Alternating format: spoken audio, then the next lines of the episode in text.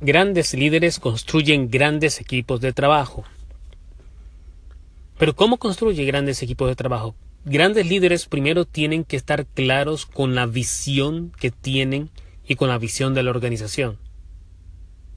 Para poder formar equipos de trabajo tienen que saber cuál es el propósito, el propósito de crear un específico equipo de trabajo de acuerdo a ese propósito, saber qué tipo de mezclas de personalidades, de caracteres, de, de conocimiento, de, de, de cultura necesitan para formar un equipo de trabajo que ejecute exitosamente una estrategia para alcanzar el propósito, el objetivo o la visión de la organización. Eso es básico, algo básico que todo gran líder tiene que hacer. Pero una vez que está todo eso diseñado y planteado el propósito, el tipo de personalidades, el nivel cultural, el nivel de conocimiento, en una mezcla para formar un equipo exitoso, aquí van tres consejos o tres tips para crear exitosos equipos de trabajo. Número uno, un gran líder tiene que tener claras expectativas para su equipo de trabajo.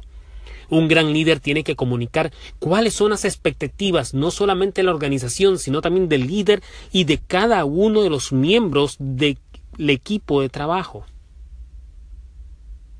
Todos, absolutamente todos, tienen que tener claras las expectativas de la organización. Porque son esas expectativas que el equipo de trabajo tendrá que trabajar para cumplirlas, para lograr esas expectativas para lograr esa visión, esa misión, ese objetivo que tiene el líder y tiene la organización. Una comunicación clara de las expectativas que se tienen es básicamente, es fundamental para el desarrollo de un equipo de trabajo. Consejo tip número 2. El contexto. Es muy importante que los equipos de trabajo sepan en qué contexto, bajo qué circunstancias, en qué situaciones ellos van a trabajar y van a ejecutar la estrategia. Es muy importante que todos los miembros de los equipos de trabajo estén conscientes del contexto en el que van a desenvolverse, en el que se van a desarrollar. Porque tú no puedes tener claras expectativas y mandar a tu equipo de trabajo vayan hacer sus operaciones o vayan a ejecutar la estrategia sin decirles a ellos qué tipo de condiciones van a encontrar, cuál es el tipo de contexto, cuál es el tipo de desafíos y de conflictos que podrían tener para que ellos estén preparados. Muy importante que el contexto sea tomado en consideración. Y otro consejo, el tercer consejo, el tercer tip, es compromiso. Tú tienes que formar equipos de trabajo con miembros que estén comprometidos con el objetivo o la visión de la organización y del líder.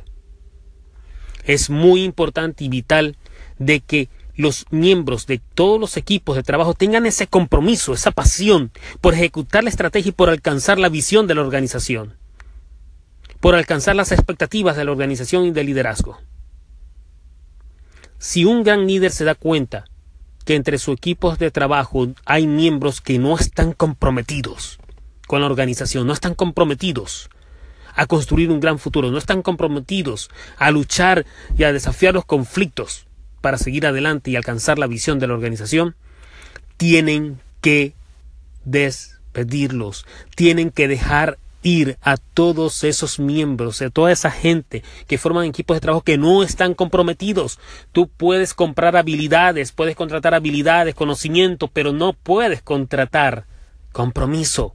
El compromiso tiene que ser inspirado. Y si hay personas que no tienen esa motivación y esa inspiración para comprometerse con tu visión, con tu organización y con tu equipo de trabajo, no merecen estar en el equipo.